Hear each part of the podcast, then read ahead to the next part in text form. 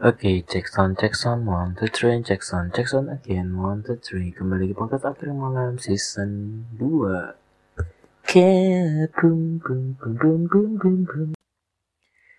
Oke, gimana kabar kalian semua? Semoga baik-baik aja yang lagi menikmati masa sekolah atau kuliah. Semangat, karena masih panjang perjalanan kalian.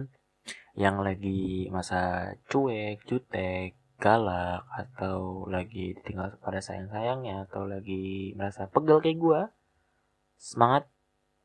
Lagi masa-masanya em lagi banyak tanggung jawab ya pegel banget rasanya.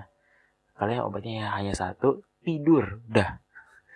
Oke kali ini gue pengen ngangkat topiknya itu apa ya? Kalau misalkan tentang pendidikan sih kan like a better you know. Jadi gue mau masuk ke dalam ranah pendidikan sih karena jujur kalau misalkan pembahasannya tentang pendidikan tuh kayak apa namanya rasanya kayak gimana ya pengen uh, gitu loh. Tapi kenapa gue pengangkat? Tentang pendidikan pastinya gue angkat di daerah Indonesia di tahun 2022 karena kita tahu bersama bahwa pendidikan kita kan katanya lagi naik. Katanya. Jadi kita bisa aku bukan bukan kita. Saya sendiri. Nggak saya sendiri juga sih. Kita. Aku dan kalian para pendengar supaya bisa memahami bahwa gimana sih pendidikan di Indonesia? Apakah butuh namanya penunjang penunjang apa penunjang penunjang. Penunjang yang sangat kompeten atau apa? Nah kita langsung aja pembahasan pertama tentang apakah pendidikan Indonesia itu sudah baik atau belum sama sekali. Here we go. Kita tahu bersama bahwa pendidikan itu adalah faktor penting yang mempengaruhi perkembangan seorang, masyarakat, bahkan negara. Pendidikan juga yang baik dapat membantu meningkatkan kualitas hidup seseorang dan mampu membantu membangun ekonomi yang lebih kuat. Namun, sayang sekali, Indonesia masih memiliki banyak tantangan dalam bidang pendidikan. Dan di tahun 2022, masih ada beberapa permasalahan yang perlu diatasi. Satu masalah nih, yang paling masih dihadapi Indonesia di bidang pendidikan adalah satu, ketimpangan dalam akses pendidikan. Kita tahu bersama bahwa pemerintah mungkin sudah memperluas akses ke sekolah, tapi masih banyak banget kok Sumpah. Anak-anak yang tidak dapat mengakses pendidikan yang berkualitas karena yang satu-satunya, the one only, secara geografis. Kenapa? Kalau misalnya lu pernah lihat di salah satu berita yang anak-anak pada ngelewatin jembatan sultas tali atau ngelewatin lumpur atau apa kan itu sebagai bentuk bahwa secara apa namanya ya secara kebutuhan transportasi secara umum atau sarana prasarana umum itu belum begitu matang dalam mendop mendopong lagi mendopang dari pendidikan yang lagi digencarkan gitu loh. Sayang sekali. Dan kita tahu bersama lagi bahwa kalau misalkan ketimpangan ini masih menjadi salah satu aspek yang masih di kayak eh apa namanya sering-sering diulang-ulang, niscayalah mau sampai kapan pun Indonesia akan stagnan secara pendidikan. Meskipun mau diganti kementeriannya pun juga sama. Karena apa? Karena dari masing-masing anggotanya atau masing-masing dari bidang kestrukturalnya belum bisa mengatur atau belum bisa memahami arti pro program kerja yang sudah dibuat. Gitu loh. Kalau sudah dibuat secara matang, dijamin pendidik, apa ya, pendidikan itu akan maju gitu loh. Dan juga tidak hanya secara kayak ayo ayo kayak diajak secara persuasif bukan. Tapi diajak secara pendekatan secara intim. Ya kan? Pendekatan yang mungkin anak-anak sekarang tuh suka dengan cara bermain dengan cara berkasih hadiah atau apa supaya apa? Supaya muncul kata wih seru nih. Kan makin lama kan atau secara pelan-pelan ya ilmunya kan masuk tuh. Ya dong. Supaya masuk gimana caranya? Ya buat namanya itu sesi interaktif supaya ilmu yang sedang dikasih itu masuk. Ditambah lagi sebelum masuk ke itu minimal juga ada namanya itu ya tadi gue bilang sarana prasarana serta transportasi umum yang harus diperbanyak gitu loh. Supaya anak-anak itu berangkat ke sekolah tuh nyaman gitu loh. Tidak harus capek ya kan? Emang sih pendidikan tuh emang harus capek apa emang harus capek. Cuman setidaknya lama sih ya jalan yang berlumpur segede gaban eh biarin gitu aja kan wagu gitu loh ya dong ya enggak ya gitu hal ini juga dapat memperburuk sekali lagi nih hal ini juga dapat memperburuk kesenjangan sosial dan ekonomi di Indonesia. Selain itu, kualitas pendidikan juga masih menjadi permasalahan di Indonesia, kawan-kawan. Meskipun ada banyak sekolah dan perguruan tinggi Indonesia, tapi tetap saja masih ada banyak yang memiliki kurikulum dan pengajaran yang kurang memadai. Di antaranya, satu, ruang kelas. Ya seingat gue, gue masih ingat di salah satu, ini daerah Pokerto, gue gak mau sebut nama sekolahnya, tapi ada. Sekolahnya itu udah kayak atap udah bocor ya daerah Pokerto gitu ada yang bocor ada yang kayak emang sih lagi tak membangun tapi setidaknya dikelarin gitu loh. Supaya tidak mengganggu sarana prasarana. Sorry lebih tepatnya kayak waktu jam-jam belajarnya anak bersekolah gitu loh. Orang lagi kayak ngajar kayak contoh gini satu tambah satu sama dengan nge dua tambah dua sama dengan nge nge nge nge gitu kan? Atau enggak Ayo Adi baca puisi. Aku paku dengan tembok ditok-tokin. Tok tok tok tok. Ya kapan masuknya gitu loh. Itu yang harusnya dipikirin harusnya tapi lah pemerintah Masa gitu. Ditambah dengan tidak hanya sekarang kurang kelas atau apa pun. Nih ya, kampus gua, kampus gua, gua tahu kampus gini baru berubah nama setidaknya tahu diri gitu loh karena apa? Yang gue ingat pada saat lagi PBAK atau kayak perkenalan budaya akademik kampus. Ya kan? Di tingkatnya U univ, eh, masih univ gitu. Kan ada tuh Pak Ganjar datang ya kan? Ditanya tuh sama apa suruh ansur lah. Lebih tepatnya kayak nyuruh anak itu maju. Gue lupa nama anaknya. Kayak tunjuk atau apa gitu. Suruh maju ditanyain.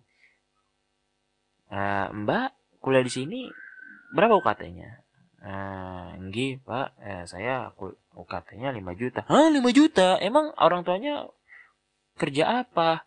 Buru tani sawit, Pak. Hah, buru tani sawit gitu. Maksudnya ya intinya gitu loh. Tapi ngomongan gue kayak lebih rasa dibuat enak didengar. Tapi intinya anak ini ya 5 juta. Ingat ini buruh tani ini bayar tuh hanya 5 sampai 10 ribu. Kalau bisa gede ya 50 ribu bukan petani sawit bukan.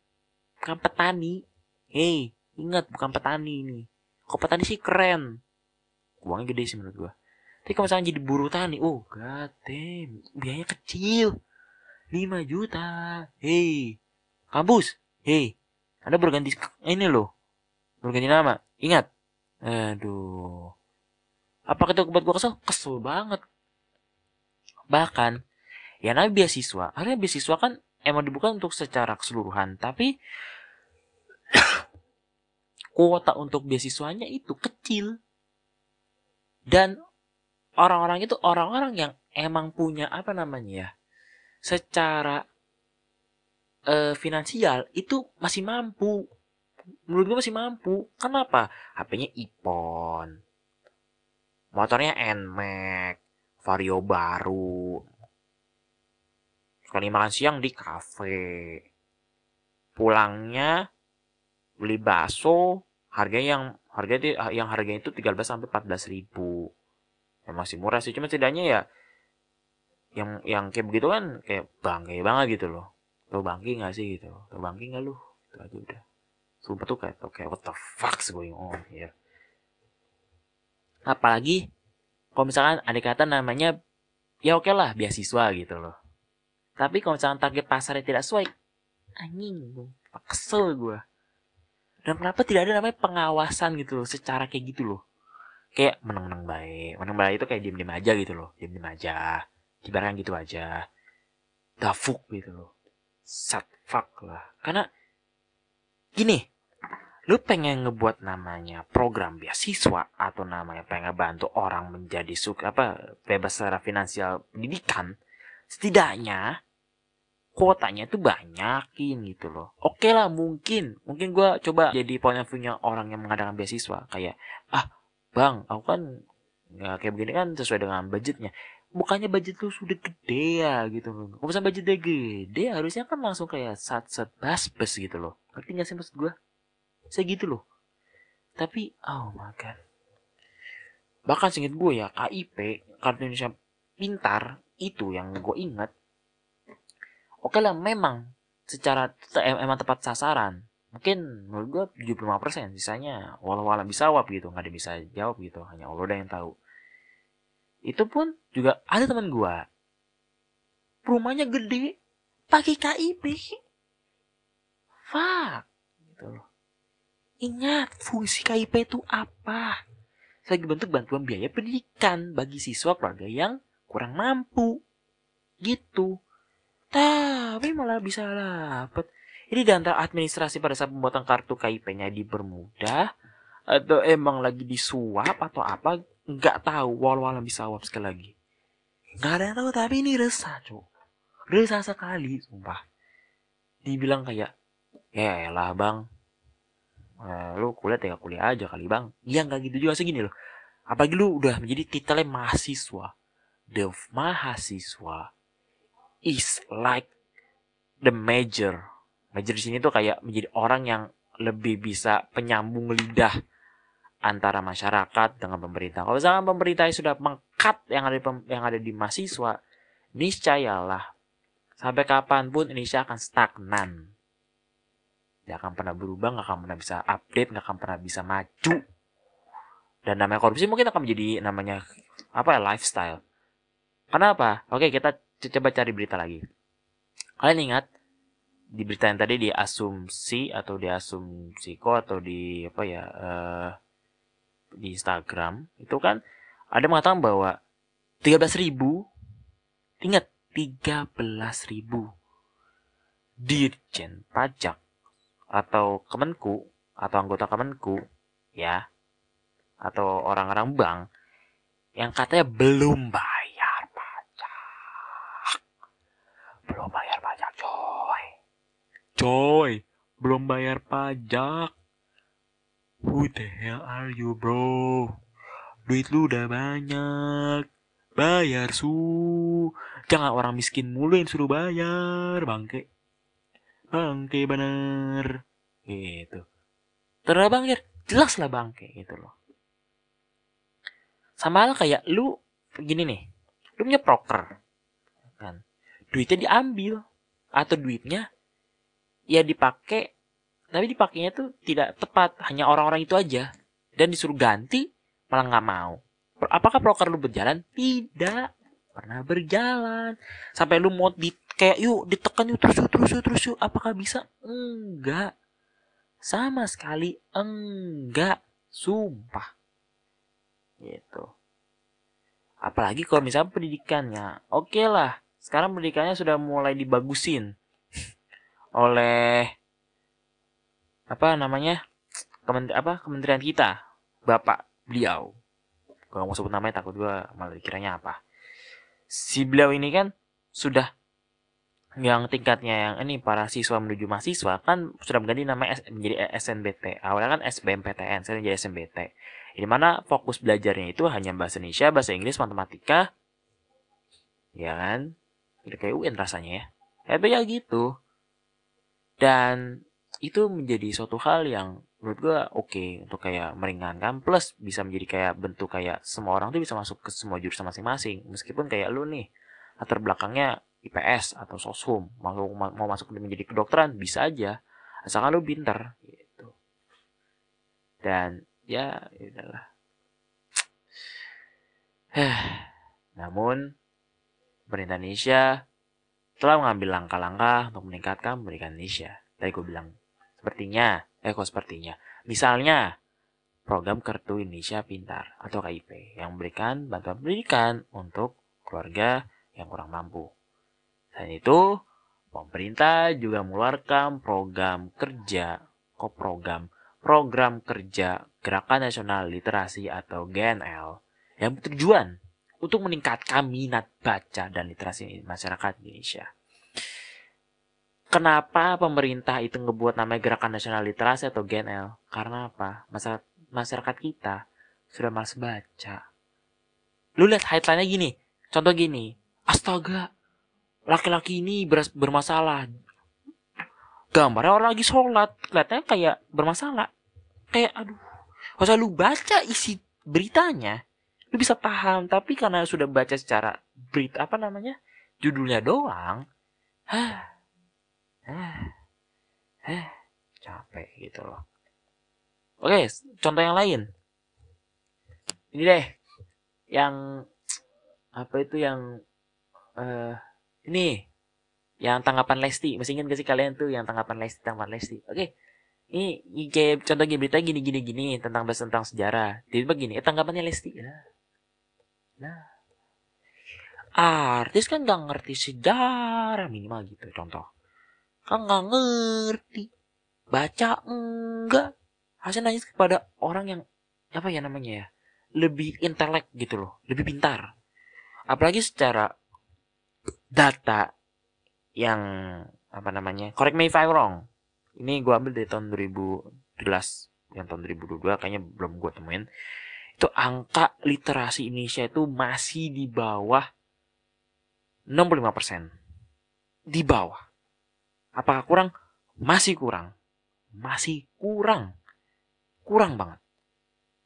Harusnya itu menjadi namanya suatu tantangan baru, tapi dibuatin namanya gerakan nasional, ya semoga aja menjadi apa namanya ya obat supaya para apa ya masyarakat di kita atau masyarakat Indonesia tuh menjadi masyarakat yang sering literasi. Bahkan yang gue ingat tuh yang gue buat terharu adalah anak kecil yang ketagihan literasi.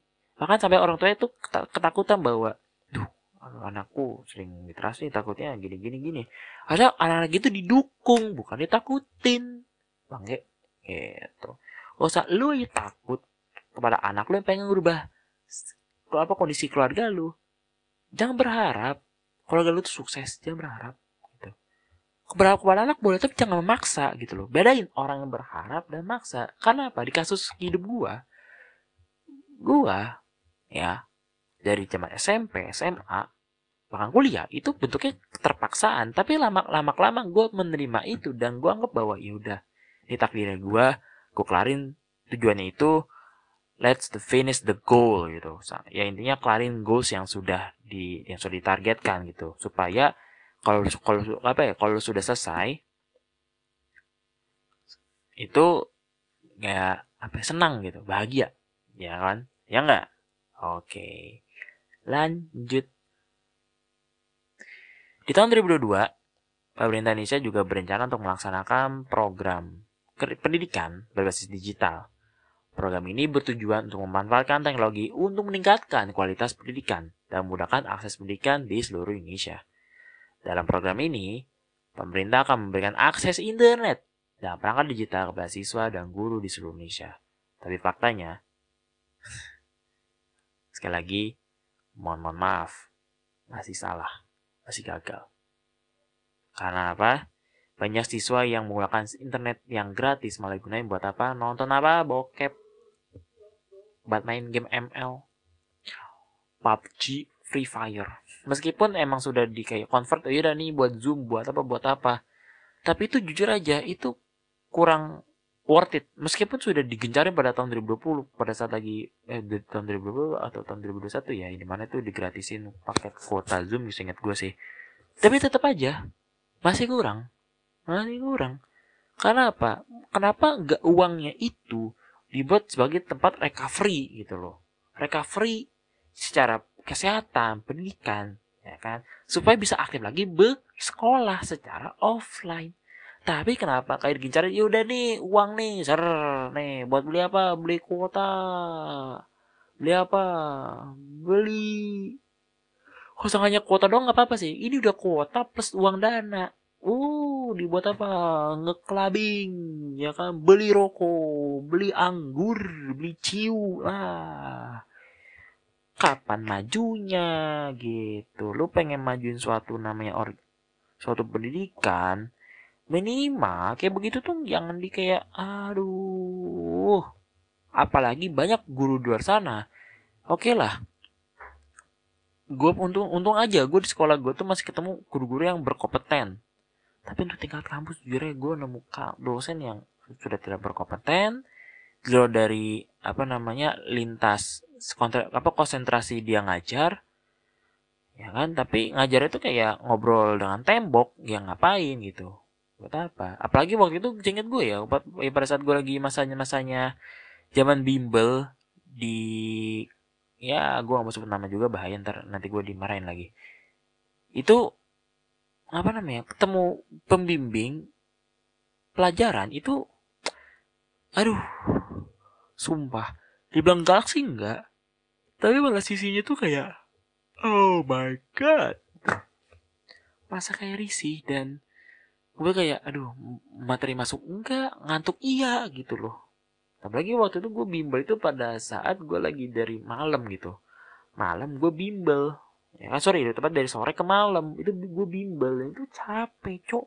Itu persiapan gue lagi mau eh uh, UTBK tahun 2020 tuh pada lagi semester 2 ya intinya itulah. Tuh capeknya luar biasa banget gitu loh.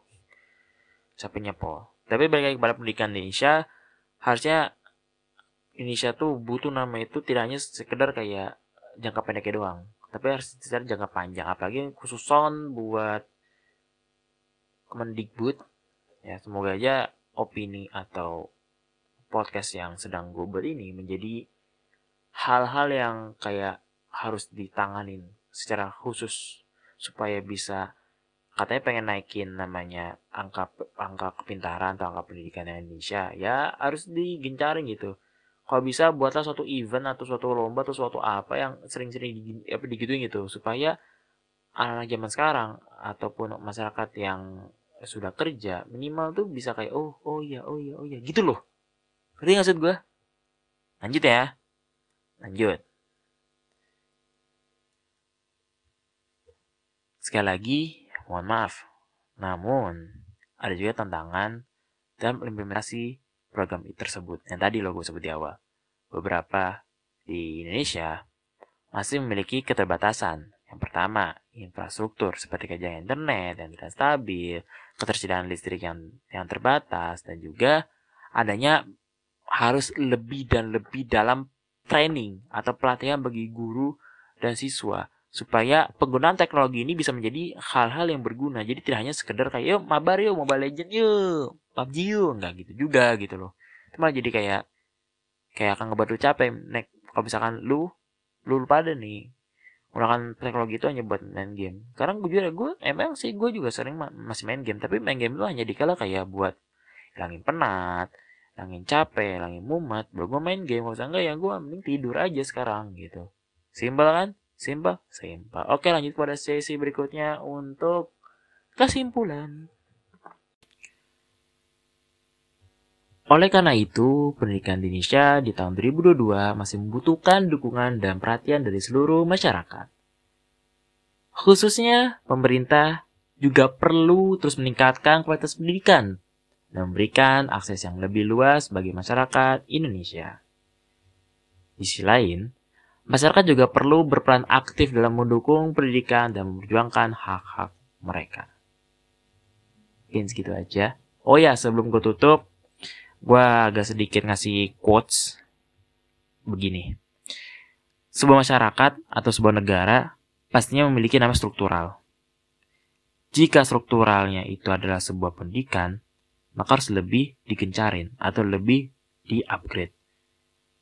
Tapi jika pendidikan saja tidak bisa di-upgrade, maka hancurlah sebuah struktural di sebuah negara.